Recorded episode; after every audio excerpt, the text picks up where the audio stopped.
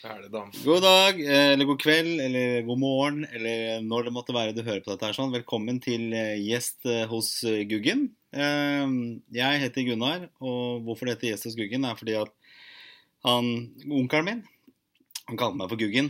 Og han døde altfor tidlig, han var en veldig kul fyr. Så Guggen har liksom alltid vært litt med meg. Så når jeg skulle prøve å finne opp et navn for programmet her, så ble det gjest hos Guggen. Det er ikke så veldig kult navn, men det er sikkert ikke denne podkasten heller. Eh, og grunnen til at jeg eh, lager denne podkasten, er rett og slett at eh, jeg er veldig nysgjerrig. Jeg stiller veldig mye spørsmål i sosiale sammenhenger. Kona hun klager ofte på at jeg, jeg spør altfor mye. Må du spørre så mye? Du spør hele tiden. Eh, og det kan jeg for så vidt være enig i. Jeg har jo fått noen negative tilbakemeldinger på det. Eh, og da blir kanskje denne podkasten en liten sånn ventil i det å rett og slett kunne spørre så mye jeg vil. Og det er tanken eh, fremover. Vi får se hvor mange programmer det blir. Eh, ha en liten liste over folk jeg skal snakke med. Og neste på lista, det er to stykker. Eh, og i dag skal vi snakke om noe som eh, berører egentlig mange. Hvis vi ser butikker, vi ser selskaper der ute, så er det stort sett alltid én eller noen få personer som står bak. Såkalte gründere eller entreprenører. Velkommen til Thomas Borgvang. Takk for det. Og velkommen til uh, Steffen Svartberg Christiansen. Takk for det. Ja, Snakk ordentlig inn i mikrofonen. Du er Ja, minst, det. eh, minst mikrofonvant eh, her. sånn. Uh, og begge to kjenner jeg. Det vil også kjennetegne litt av de folka jeg prater med fremover. er at jeg, Det er folk jeg kjenner, stort sett. Uh, og det er mange jeg kjenner, og noen er interessante, og noen er ikke så interessante. Og det er blant kategorien interessante. Så jeg si det er jo det er kompiser også, da. Det er, setter vi pris på. Ja. Jeg presentere deg først, Thomas? Ja. Thomas Borgvang. Eh, du og jeg vi møtte hverandre i 93-94 en gang, på folkehøyskole. 93. 93 Høsten folkehøyskole. 93. Ja. Eh, og så herja vi rundt der. Eh, gjorde masse ting vi ikke skal si på radio, eller på podkast. På podkastbåndet. Det var ikke så ille, da. Nei, det var ikke så ille. Vi, var, eh, vi skryter på oss og sier at vi kanskje var eh, de verste der. det. Alt står i årboka. Altså årboka. Og så eh, holdt vi kontakten lenge, og i, sånn på slutten av 90-tallet så startet du et band som heter et danseband, nei, danceband, som het Reset. Stemmer. Ja. Og dere var jo kjempestore. Ja, vi, det, de, tok jo litt av, for jeg blei jo egentlig bare rett og slett dytta fra radiostudio som du og jeg jobbet i sammen eh, oppe på, på Lille, Lillestrøm. Og egentlig eh, om å komme opp og høre på en låt eh, oppe i Pan studio på Skjetten. En kar som heter Stig Antonsen, som hadde laget en låt. Og ble egentlig bare dytta inn i studio. Spurte om jeg kunne legge på noe rap. Jeg hadde jo radiostemme, så vi kunne bare legge på et eller annet. Og halvt år etterpå så lå vi i toppen av VG-lista, så det skjedde fort. Og jeg fikk jo faktisk lov å være med og spille sammen med dere. Jeg var jo ki- første keyboardist eh, for bandet. Du var jo med på to svære TV-show, blant annet. Ja. Bykampen, som gikk for noen som husker det, på starten av to, eller ja, rundt 2000 på, på TV 2. Ja, Det er faktisk mulig å finne på YouTube også. Det er noen som har lagt ut der. Eller det er jeg som har lagt ut, da. Hva heter låta? Uh, Blue. Blue var vel den vi spilte der da, tror jeg. Ja, det var det. Så det var jo fantastisk. Og jeg, må jo også innrømme at det var ikke rapper jeg så deg som eh, i utgangspunktet. Det var det vel ingen som gjorde. Og så eh, Det holder du på med fortsatt i dag? Ja da, vi hadde 20-årsjubileum i fjor, faktisk. Og nå har det vel egentlig eh, vært mer jobber enn det, det har vært på de siste 15 årene. Altså, siste året og nå framover i år har vært, er jo ganske, ganske mye jobber. Det er jo litt pga. at 90-tallet virkelig er tilbake igjen. Og det er vel også litt av kjernen her, sånn at du på en måte har dannet et lite sånn eh, en business rundt deg selv, på en måte. Altså, We Love the 90s er jo du mannen bak. Det er litt sånn 90-tallsimperium. Et sånn Ja. retro-imperium.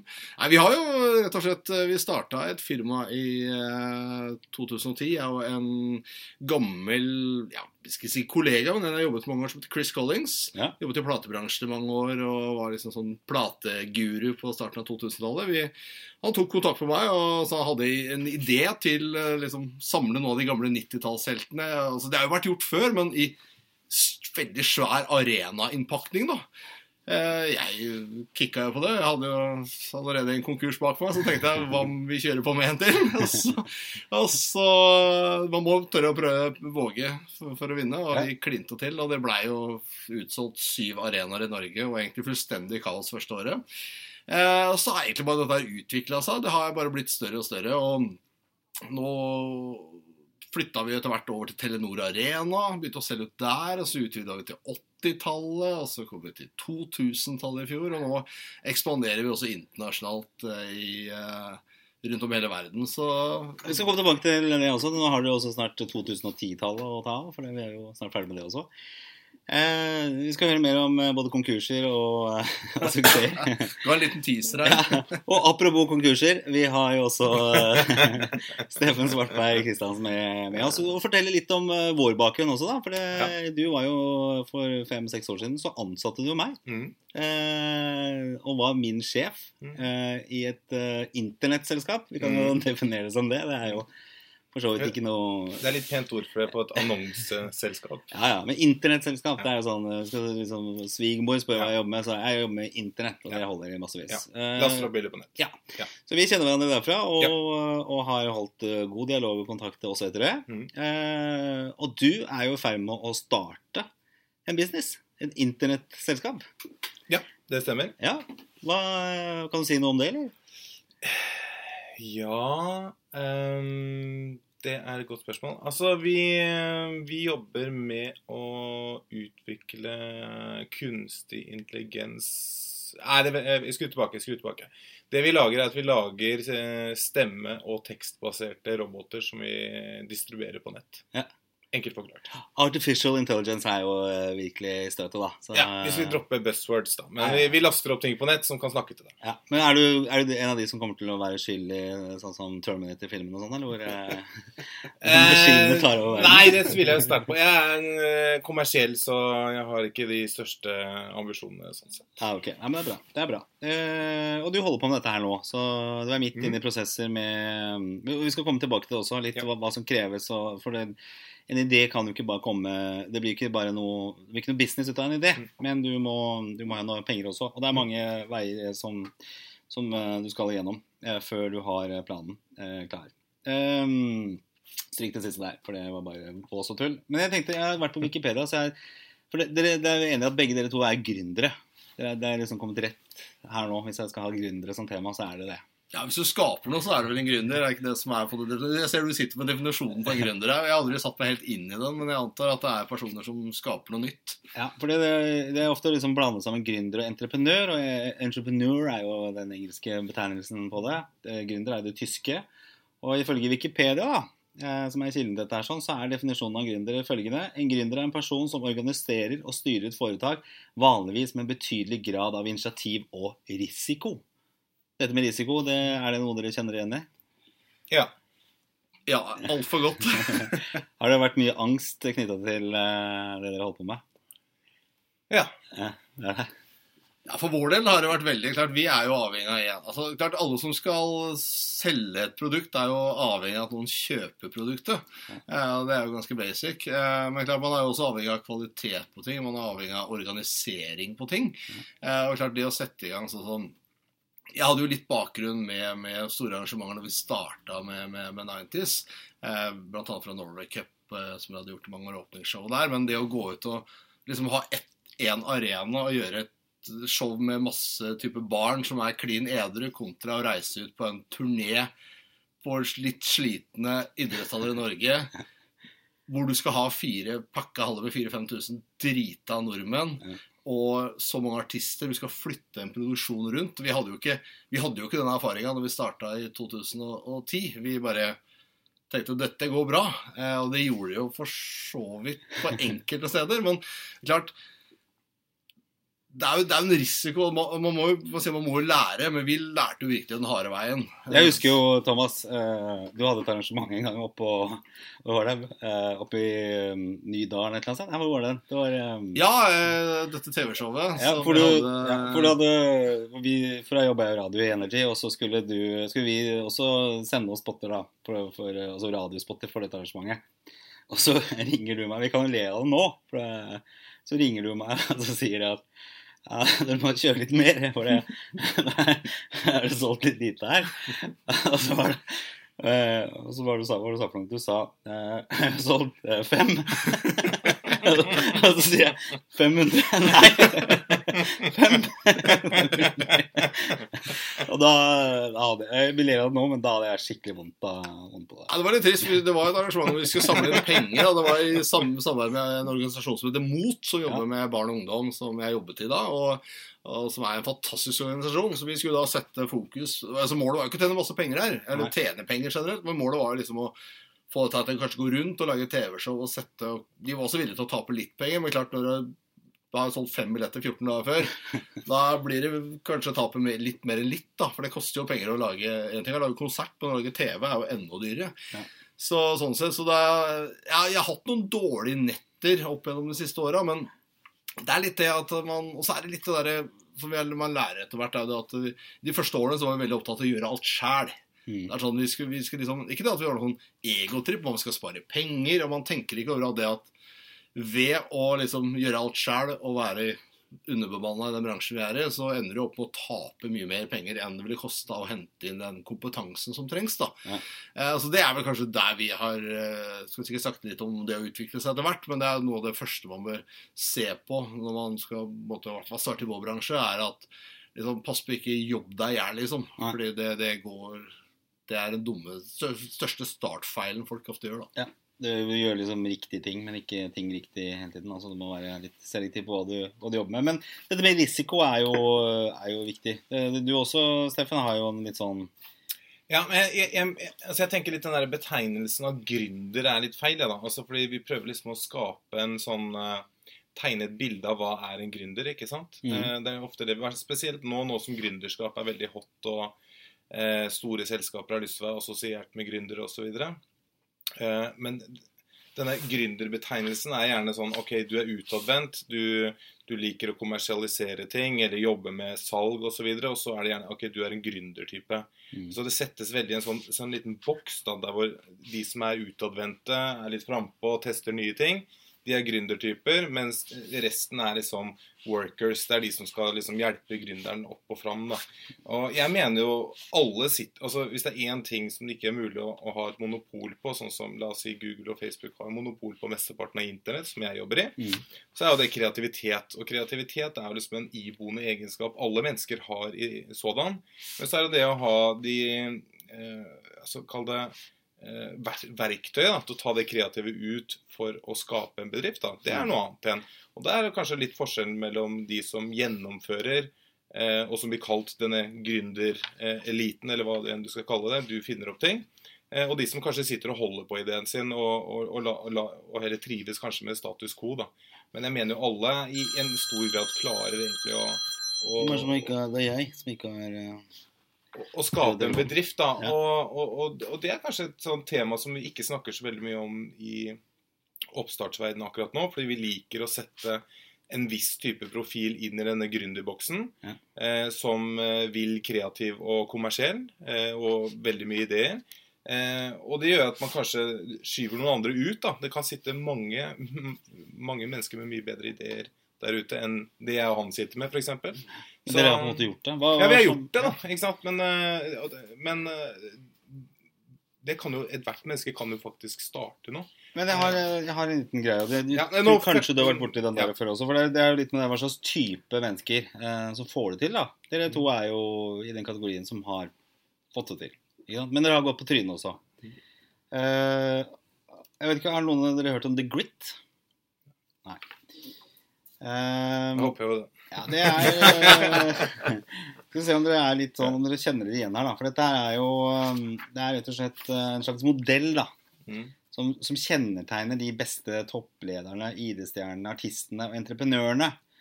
Eh, og de som orker å stå på, og de som prøver igjen og aldri mister motet.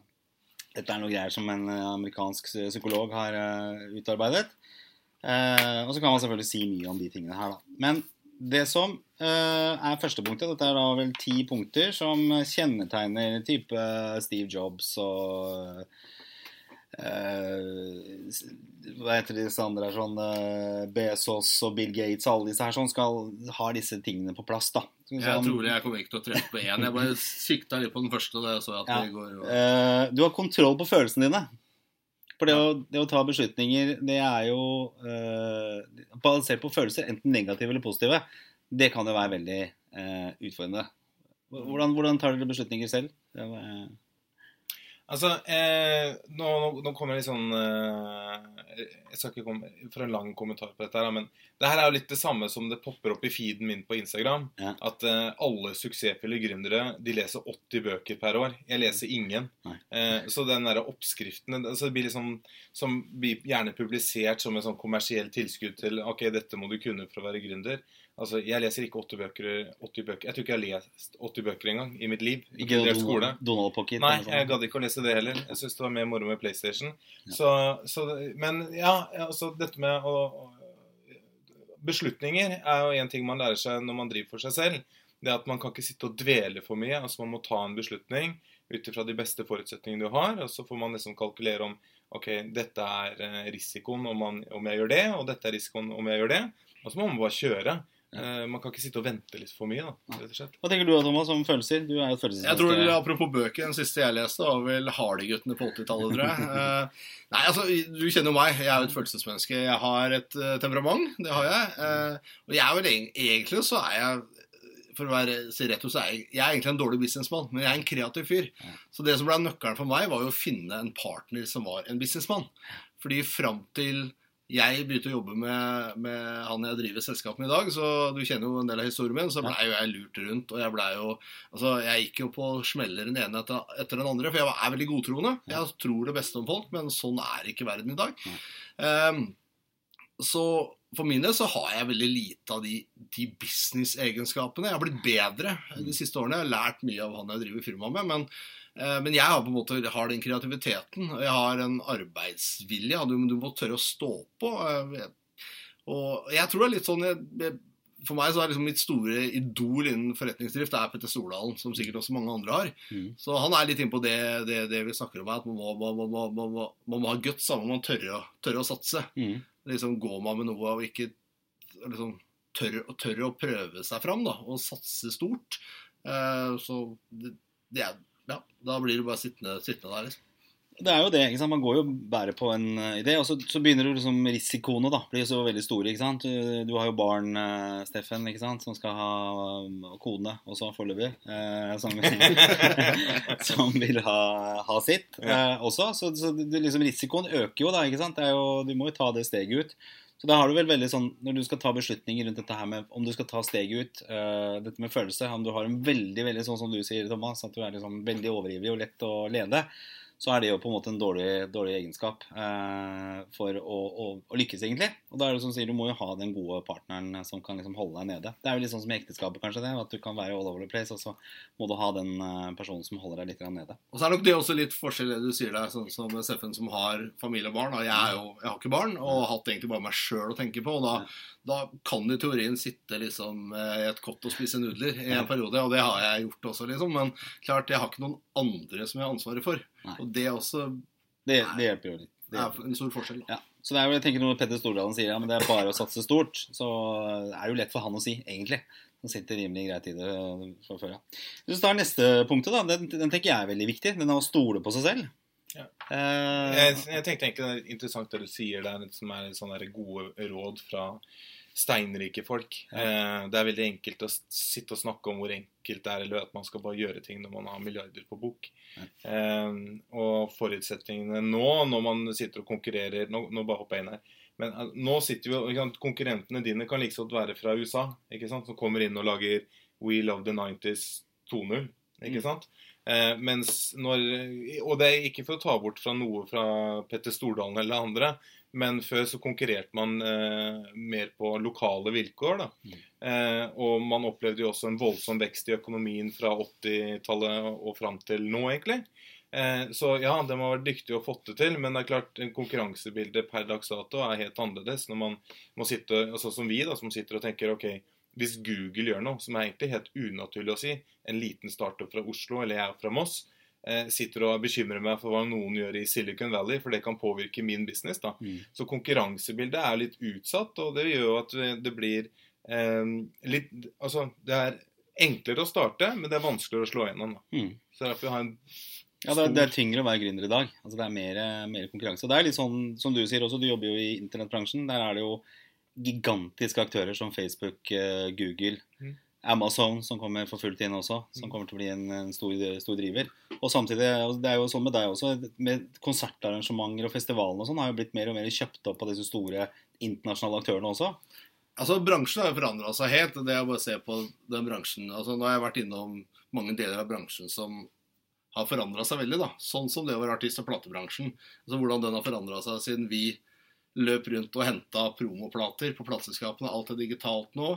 Det vi var, når vi ga ut Reset, vi ble signa på et plateselskap og masse jobb. Du skulle lage covere, fotoshoot, du skulle Men du, var avhengig av et plateselskap som kunne gi ut, for det kosta mye penger.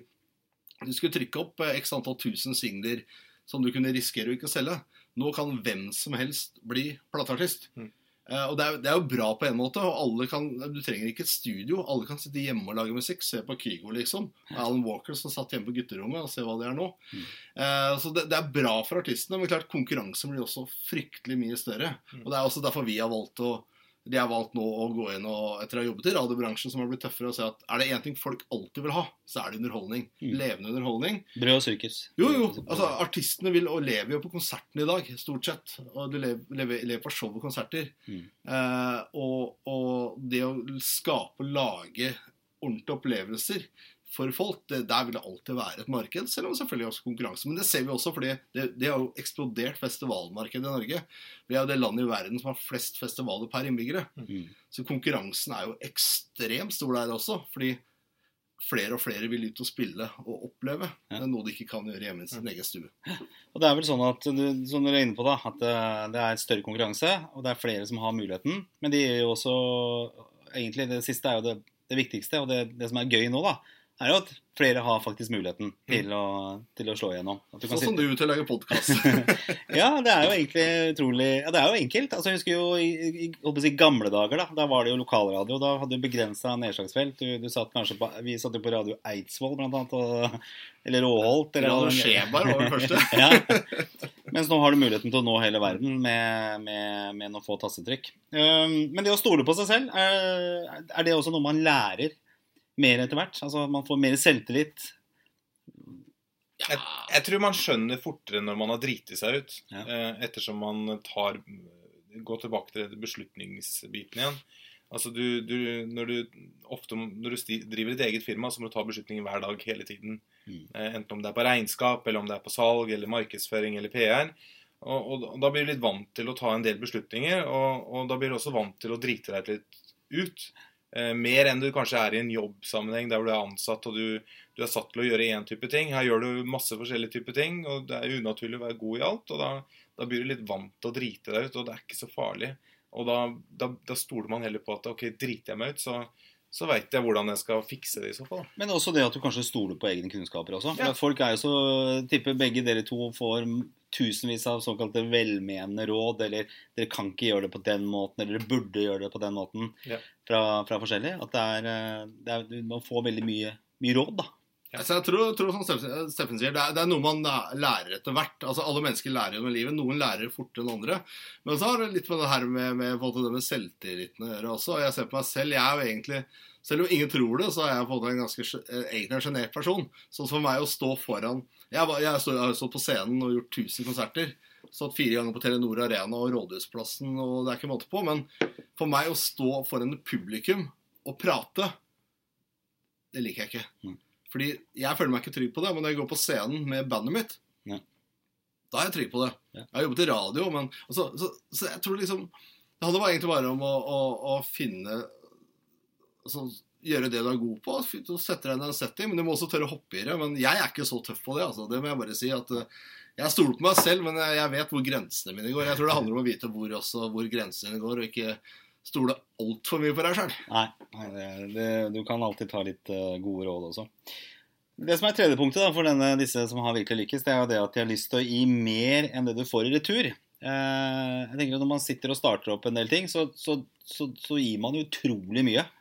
Man får jo på en måte ikke alltid i retur, og det, det kan jo på en måte være både eh, skryt, eller noen har tro på konseptet, eller noen Sånn som konserter da, hvor det dukker opp fem personer, eller altså eh, Ikke sant? Så du, du, du gir jo utrolig mye, men du får lite tilbake. Hvordan, hvordan har dere følt på det underveis her?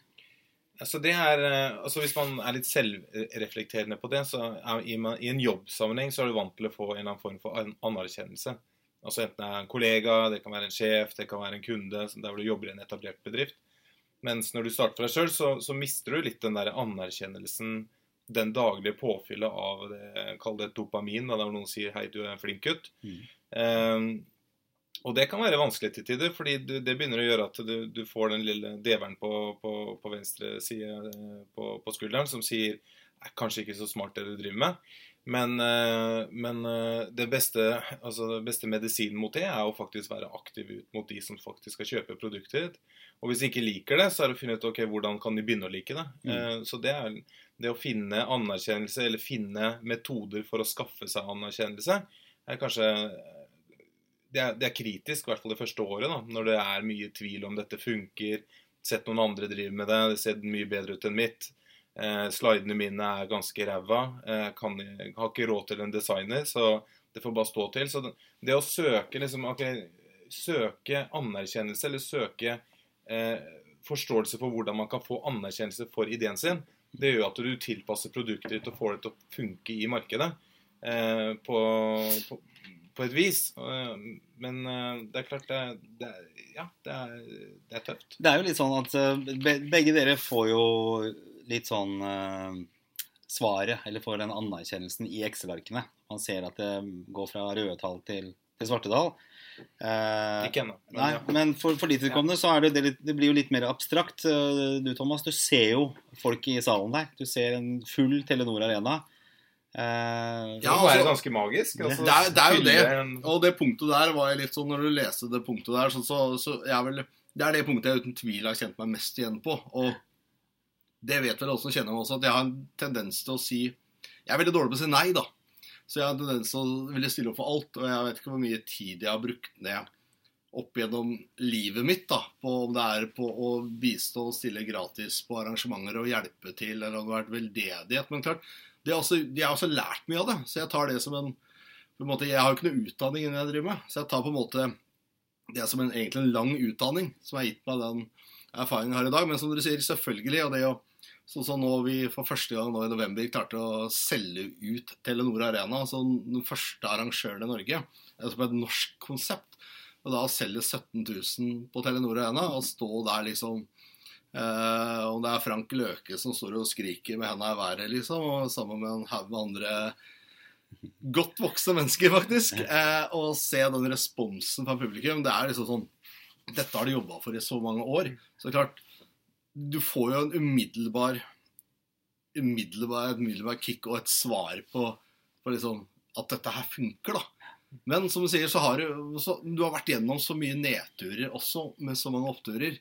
Med kanselleringer av show, og du har blitt saksøkt av svensker som skulle 2000 svensker i Via Ekspressen som skal drepe deg fordi liksom showene ble kansellert i Sverige. Altså, du har vært gjennom så mye tøft. Du har krangla med politiet, du har avlyst ting. Altså, vi har hatt altså, det du har vært igjennom det er liksom, men klart, Da blir jo følelsen så fryktelig mye sterkere når du står der og tenker liksom, ok, vi har holdt på i ti år. Nå klarte vi det. Vi solgte ut Telenor Arena. Deilig følelse. Da er jo den følelsen ti ganger større enn om du hadde hatt suksess fra dagen. Dere er jo, dere, dere kjennetegnes av to, to ting. altså Det er jo underholdning og internettbransjen. Det er jo forskjellige gründere, på en måte. Men dere er, begge dere to er veldig ålreite fyrer. Eh, som jeg tror også eh, veldig mange kommer til å unne suksess. Og jeg vet jo det, Thomas, når det gjelder deg. Eh, at veldig, veldig mange unner deg den suksessen som du har fått. Fordi du har nettopp stilt opp, og du har, litt, eh, du har gitt mer enn det du har fått tilbake. Og Du bare viser jo det her i dag. altså Det er liksom én melding til deg, så stiller du opp her også. Og det, det, det er bra. Det er veldig bra. Jeg hørte det var Pepsi Max og kaker, så da kom jeg med en gang. Ja, det er Pepsi Max og Og så er det dette her, da. Å lede. altså Jeg vet ikke hvordan, hvilke roller dere har i selskapene deres. Du er jo leder i ditt selskap, uh, Steffen. Og det punktet går jo på å kunne lede når ingen følger deg. altså du, du, Nødvendigvis så trenger du ikke være liksom sjefen i selskapet, men det, det at du leder veien, du har tro på noe, eh, og så føler du at du ikke får, eh, får liksom den gehøret i, i, blant de du jobber med. da. Mm. Eh, hvordan, hvordan er det i sånne situasjoner? Altså, jeg, jeg, jeg tror det handler litt om dette med det som du nevner som ydmykhet. da. Altså, En leder han har sjelden alle svarene, og han har sjelden de beste beslutningene, men han kan ha de beste intensjonene. da. Eh, og, og, det er kanskje det jeg har eh, selvinnsikt og forstå sine egne begrensninger. Eh, det er klart, Når nå, nå jeg eh, starta det selskapet som jeg jobber i nå, med, min idé sammen med en annen eh, Men det er klart, jeg sitter ikke med alle svarene for hvordan vi skal gjøre det i fremtiden. Så, og, og, og, Da handler det litt som du snakka om tidligere, da, det å finne andre mennesker med andre kvaliteter som kan komme inn og, og berike din visjon, og la det bli deres egen visjon. da. Eh, så denne ydmykheten den, den, kommer du fryktelig langt med eh, ved å forstå egne begrensninger og gjøre det du er god til. Da. Men så er det vel også det der at eh, hvis du er i en situasjon da, hvor, hvor, selskapet på en måte er litt etablert også, eh, og, og, det kanskje begynner å butte litt imot, uh, og du på en måte må stå i stormen, og fortsatt liksom kunne lede og, og være en tydelig, tydelig figur. La oss si det kommer en kjempekonkurrent av We Love the 90s på banen, og det begynner liksom å, å butte litt, men det å på en måte fortsatt ha troen, da, eh, og kunne lede folka dine i, i riktig retning. Det er ofte der kanskje liksom, de virkelige testene står. At du, du, du, klarer å stå i det da. Ja, du, du merker jo det. det er, som sagt, Vi har hatt mye opp- og nedturer. og det er jo liksom, det er, det er jo risikosport, det man driver med. Man er jo veldig avhengig av artistene. Det er bare det, altså, for, for en stor artistkansellering liksom, Det har jo skjedd at vi har mista en, en kanskje headliner, toppartisten. Eh, og klart eh, Men jeg tror også altså, Vi er jo et, vi er seks stykker i vårt, eh, i vårt firma. og vi har både, Jeg vel daglig leder på papiret i Brønnøysundregisteret. Det var nesten litt sånn stein, saks, papir mellom meg og Chris hvem som skulle bli det. Så, så, vi har på en måte ikke noe sånn vi har ikke noen sånn typiske lederroller.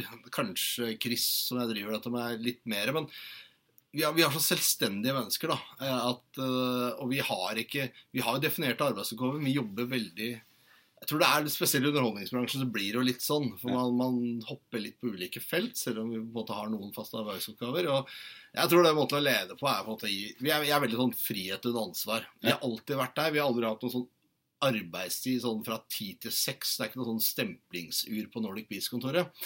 Men selvfølgelig, vi ønsker jo å være samla der. Vi jobber mye hjemmefra.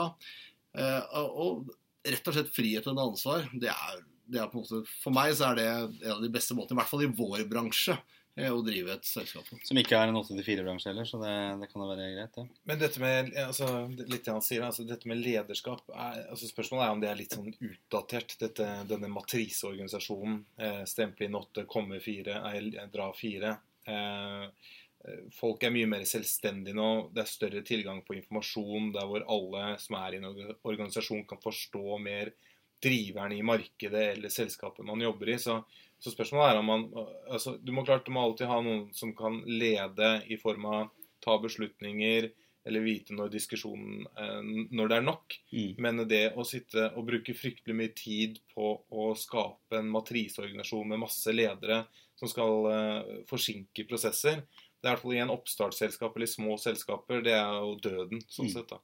Jeg tror det er døden for veldig mange selskaper. Jeg, hvis ja. du har det på den måten her. Sånn. Jeg, og jeg vet det er en del ute fortsatt som, uh, hvor du får liksom, uh, litt sånn uh, stikkende blikk hvis du beveger deg mot utgangsdøra før klokka er blitt fire. som er en liksom merkelig holdning. Og det jeg vet, er jo det at hvorfor man gjør det, er jo Det, det, det bunner jo litt i dette, denne kua som skulle melkes i, i gamle dager. At man skulle opp tidlig bruke dagen osv. Så, videre. så Så det er jo på en måte gammeldags uh, Det er informasjonskampanjer fra myndighetene. ikke sant? Det er, eh, det er nyttig å komme seg tidlig opp på jobb. Og så er det, ikke noe, det er ikke noen fordel for samfunnet heller at alle skal reise til jobb uh, samtidig. Det, det ikke noe ja, altså, jeg tror ikke at folk gjør en god jobb da. Altså Har man ikke tillit til de som jobber der, uh, jobber også der. Hvis jeg som, som på en måte eier av selskapet liksom skal skule bort på en av kollegaene mine fordi vedkommende liksom er litt lenge ute til lunsj eller et eller annet. Da, da på en måte, og jeg, altså, som jeg sier, jeg teller ikke timer, jeg teller resultater. Ja, og så, som, som, vi snakket om her, det er jo, ting har forandra seg. Jeg gjør mye av jobbing på kvelden, ja. bl.a. med sosiale medier. Det er jo da du treffer folk ja. i mange av de kanalene. Jeg jobber jo med og Det er veldig forskjellig fra hvilken arbeidsoppgave du har og hvilken bransje du er i, men he, hele den syklusen har forandra seg. Ja. Det er ikke liksom, Telefontid er vel egentlig bare kommunale kommunal sektor hvor de er altså, stenger halv tre. Det irriterer meg liksom, når jeg skal ringe banken. Og så er liksom det, nei, nei, De har ikke banktid etter klokka tre. altså De tar ikke telefonen. Chat. Ja, chatbot. Som ikke funker. Det er det. Som ikke funker. Eh, neste punktet her sånn, det er de å ta de samtalene du frykter. Altså, hvordan har dere vært der? Det har vel, vært, det har vel sikkert vært en Der er del jeg dårlig. Ja, jeg kan si jeg er ganske dårlig der selv. Ja. Hva slags samtaler er det man kan frykte som, eh, som gründer? Nei, altså Jeg har jo starta et firma tidligere. Det gikk fra 2007 til 2010. Da tror jeg jeg gjorde alle feila som det går an å gjøre som et oppstartsselskap. Eh, Kan du si klart, hva dere holdt på med da? eller? Ja, vi drev et, eh, vi drev et medie- og salgsselskap. Da, så vi, vi, vi ga ut magasiner sammen med Norske Forsvar. Vi gjorde mye rart. Vi har jobba med Kanal Digital eh, i forhold til å Vi hadde noen sånn salgsteam som banka på dører og plaga folk på kveldstid. Eh, og så jobba vi med Google AdWords. Solgte eh, klikk. Eh, vi, vi bomma egentlig på hver eneste trend den perioden. her. Vi satsa på kuponger. Her var det liksom eh, når den store loven, eller den lovgivninga ble oppheva i 1.6.2009, mm. så var vi liksom først ute med kuponger. da. Sånn eh, rabattkuponger? Rabattkuponger. Og reft dette med rettssaker. Vi fikk jo JC, den Den gamle gamle- Du må ta på lydløs. Eh, kan ikke bare ta den der sånn. Du, jeg sitter i, i sånn- lager podkast her. Jeg kan ringe deg om en halvtime. Ja. OK, fint. Vi tar pause på den. Ja, det er greit. Det blir ikke pause. Det Nei, tenk var var eksen som ringte her. Han maste. Jo, så var eh, Vi satsa jo på kuponger, og det var jo Det, var jo, det sto jo mye om det at det skulle bli det nye store. Eh, og vi trodde jo Vi var blåøyde unge gründere på den tida der, og, og, og vi satsa alle pengene vi hadde og ikke hadde, på at eh, kuponger kom til å ta av. Mm. Eh, og og det, vi ga ut et magasin, kupongkatalogen het det, fengende, eh, sammen med Her og Nå. Vi tenkte jo de som leser Her og Nå, de kjøper jo ikke Se og Hør, som var i hvert fall opptatt av gode tilbud, ikke sant? Mm. Eh, og et, det var vel ute i 14 dager, og ingen som innløste de kupongene. Og det gikk jo helt til helvete. Eh, og etter det så gikk jo firmaet til helvete opp. Vi hadde ikke råd til å dekke opp all den gjelda vi hadde dratt på oss. Eh, så vi måtte jo ta opp lån og få dekka det, og da innså vi at dette her eh, det er mer, Nå er det mer moro å være ansatt et sted. Eh, men læringa i det, da, som man tar med seg videre, er at det, sånn, det å bygge et selskap, det handler veldig mye om timing. ikke sant? Og timinga var nok god, fordi nå var nok hungeren etter 90-tallet ganske stor etter mye elektro de siste 10-12 årene, ikke sant? Eh, Og man savna eh, Oasis eller hvem enn som var store på, på 90-tallet. Eh, Oasis var stort for meg. Mm. Så dette, man, man, man plukker opp litt informasjon som gjør seg litt smartere til neste oppstart. da. Eh, og for min del så var det, time, det timing er nøkkelen. Og nå håper jeg for guds skyld at vi har tima dette her bra med det firmaet vi starter nå. Det vil jo fremtiden vise. Vi kan jo faktisk eh, ha det neste Steve Jobs eh, i studio her. Eh, Og den neste Hva er liksom den største musikkmanageren i verden nå? Nei, det er vel kanskje musikk. Simon Cowell er jo stor. Ja, Norges Simon Cowell. Men det med å ta samtalen og sånn, jeg tenker det var ikke så moro å ringe til familien og si at nå var det konkurs, kanskje? eller? Nei, nei, det var ikke noe gøy i det hele tatt. Nå, det, det ble jo bare sånn Jeg måtte jo flytte hjem på gutterommet òg, faktisk, så det var litt sånn ekstra pinlig. Eh, og jeg bor jo jeg er fra Moss, så det var det å flytte hjem fra Oslo til Moss for å bo på gutterommet Eidsvoll her. ja, det, var ikke, det var ikke det kuleste, men eh, samtidig, det er, det, er, er litt sånn Det er, eh, det er ordtaket er på engelsk, det høres, jeg vet ikke hvordan du sier det på norsk, men det er 'better to burn out than fade away'. Eh, og den, eh, den det syns jeg er ganske mye riktig. Det. Ja, jeg forstår det. Eh, ok, vi, vi kan gå videre på lista her. sånn, og Dere har vel egentlig sagt eh, begge to at denne her er i hvert fall på plass. Dere fortsetter selv om du feiler. Ja, eh, og det er altså Det er litt av den gamle eh, klisjeen 'Doesn't kill you makes you stronger'. Jeg gjør det det? Jeg føler i hvert fall at det gjør det. Jeg har jo Altså, jeg har jo en, en, altså en oppvekst som tilsier at jeg egentlig nesten ikke burde sitte her i dag. Eh, med en, en barndom som var hardt prega av mobbing. Eh, det var jo litt sånn at jeg egentlig hadde bare lyst til å call it a day på barneskolen gjennom seks år. Og ble egentlig bare fortalt at du aldri du kommer aldri til å lykkes. Du kommer aldri til å bli noe av deg. Eh, men så har jeg prøvd å bruke det til noe positivt. Man, altså Motgang møter vi alle. Noen er litt uheldigere enn andre. og Det er sikkert det er folk som har hatt mye verre enn meg. Jeg hadde egentlig forholdsvis bra, for jeg hadde fantastiske foreldre. Ja. Eh, som selvfølgelig alltid har vært veldig supportive. Men selvfølgelig, selv om jeg har fått høre noen ganger at får jeg en ordentlig jobb, det har jeg vel hørt stort sett eh, fram til sånn tre-fire år siden, når det begynte å gå virkelig bra. Eh, at det får en, får en vanlig jobb, gutten min. Det er liksom, jeg hadde vel et år, og det funka veldig dårlig. Eh, så, så jeg tror liksom det, det handler liksom altså, har man, så, altså, handler det om å ha nok tro på det de gjør. Altså, jeg kunne fått meg en vanlig jobb. Jeg har sikkert hatt saved en million i året uten problemer. Men det er ikke det jeg vil gjøre. Og, men du skal fort, lenge, har du troa nok på et prosjekt altså Hvis du da feiler, så ok, du har, da har du prøvd så godt du kan i hvert fall. Er det sånn at dere, dere kunne ikke ha levd på en måte videre hvis dere ikke hadde gjort disse tingene her? Altså, er, det, er det en sånn rastløshet som ligger der hele tiden? Som man, jeg vet jo du, Steffen, er vel litt preget av det? Altså, dette må du gjøre? Ja. Ja, ja, ja altså jeg, jeg, det, det er nok um, Altså, når jeg var 15, da, det høres jo veldig rart ut, da. Høres, men så Jeg var så skolelei. Så jeg tenkte, Og jeg, og jeg er egentlig ganske lat av meg. Eh, så jeg kom, når jeg var på videregående, så satt jeg en time, og jeg orker ikke mer av skole. Så jeg bare sa, jeg tenkte for meg sjøl Jeg tror jeg bare, jeg bare starter for meg sjøl når jeg er 20 etter Forsvaret. Så driter jeg det skolegreiene, for det er jeg så ferdig med. Mm. Eh, så det gjorde jo egentlig det, da når jeg gjorde det, så var det litt befriende. For da brukte jeg videregående til å henge rundt med folk, eller planer. Vi hadde også litt events, da, men ikke i den skalaen her. Men, men uh, brukte heller tida på å henge med folk da, og lære meg å kjenne alle typer mennesker. Så, så, etter, uh, så siden da har jeg egentlig alltid likt å, å starte ting. Du er litt sånn street smart-type òg, er det ikke det? Altså, du er en omgjengelig fyr som er lett å Det får du avgjøre. Men, men jeg elsker å være sammen med folk, da. Ja. Så, så, for meg altså jeg, jeg, som sagt, jeg er ikke noen teknolog. Nå har jeg starta et selskap som skal lage kunstig intelligens. Eh, og det viser også hvilke fantastiske muligheter vi har i dag til å, lage til å kunne At jeg, en enkel gutt fra Moss, kan hoppe ut i, i, i, noe som jeg ikke egentlig har hatt peiling på, men har lært mye om nå i de siste 14 månedene. Eh, men det er egentlig nysgjerrigheten til mennesker, samme som kanskje du har, da, til at vi skal sitte her og, og diskutere ting. At man er nysgjerrig på mennesker. fordi spør du nok spørsmål, så blir du litt svarere, eh, smartere.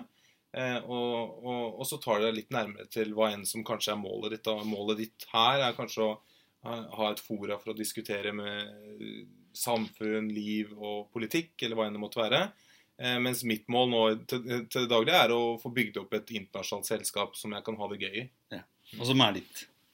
Ja, som er vårt, vi som ja. jobber der. Eh, for meg så er jeg ikke så opptatt av Eh, altså For meg så er det viktigere at vi, de som jeg jobber med, også er en del av det, enn at jeg skal være noen sånn eh, diktator på toppen, eh, eller med han jeg driver med, eh, som, som, sitter og kontrollerer. Det er viktig å eh, altså, Nå er ikke jeg gamle gutten, men det å ha det gøy hver eneste dag, mm. det er viktigere enn at jeg eier veldig mye. Men det som er gøy for meg, er å skape ting.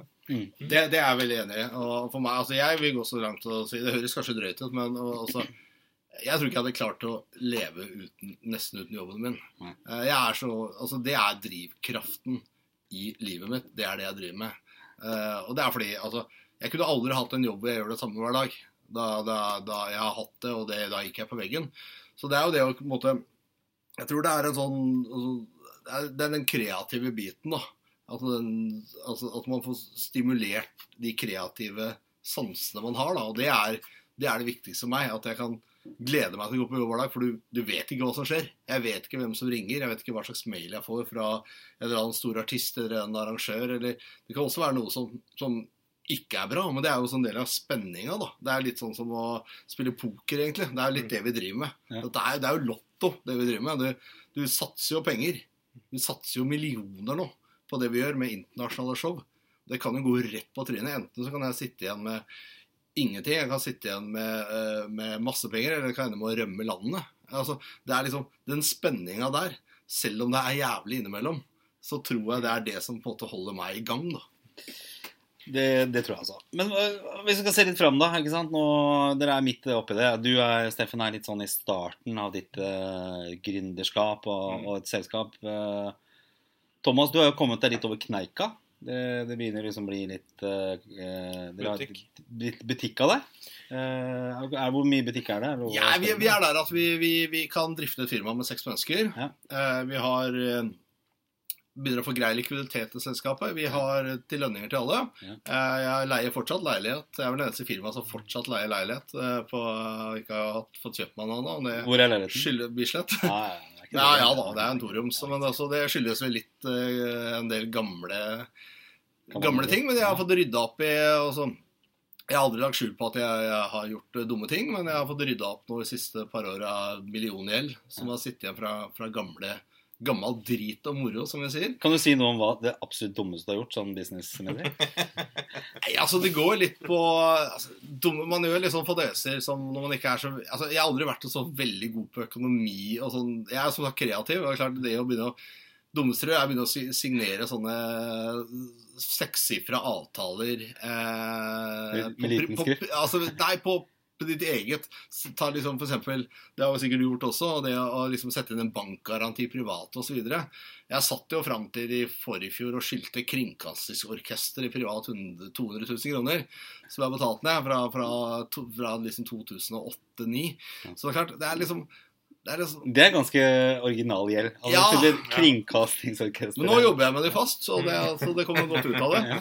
Eh, og så sånn sett så klart man, man har gjort mye dumheter, og man har gått videre. Og, altså, det vi kanskje har lært aller mest av, er jo liksom når man skal trekke ut pluggen.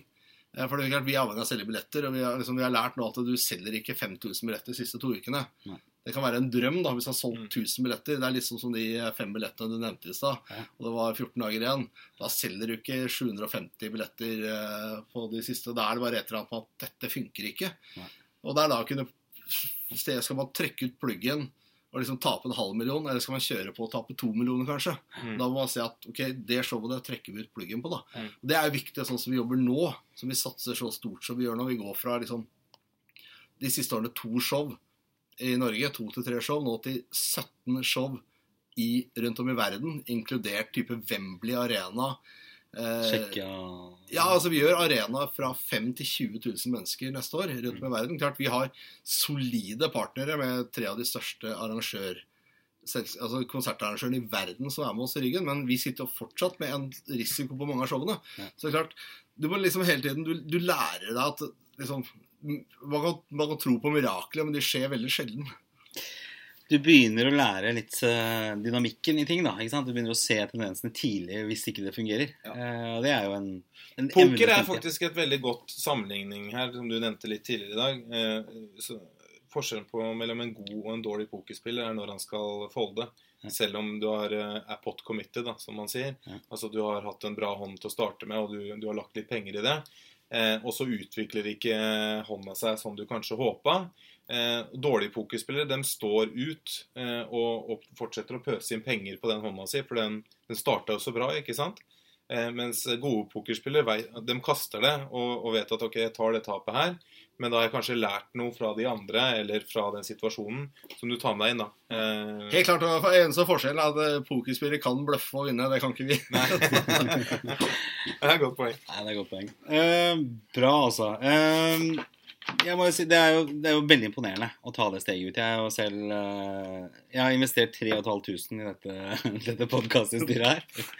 Så, så det er liksom den risikoen jeg har tatt. Eh, jeg har betalt ned også, eh, i sin helhet.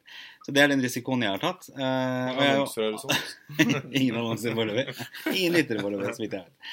Men, eh, men det, jeg har jo veldig stor respekt for de som tar det steget. Eh, den, Facelink. ja, Nei, ja, vi har jo mange konsepter gjennom årene. Men det å liksom ta dette, dette steget ut, da For det Ikke sant? Det er, man, man presser, I og med at man er kreativ, man har funnet opp noe selv. Eh, dette er ofte basert på egne ideer og tro, tro på ting.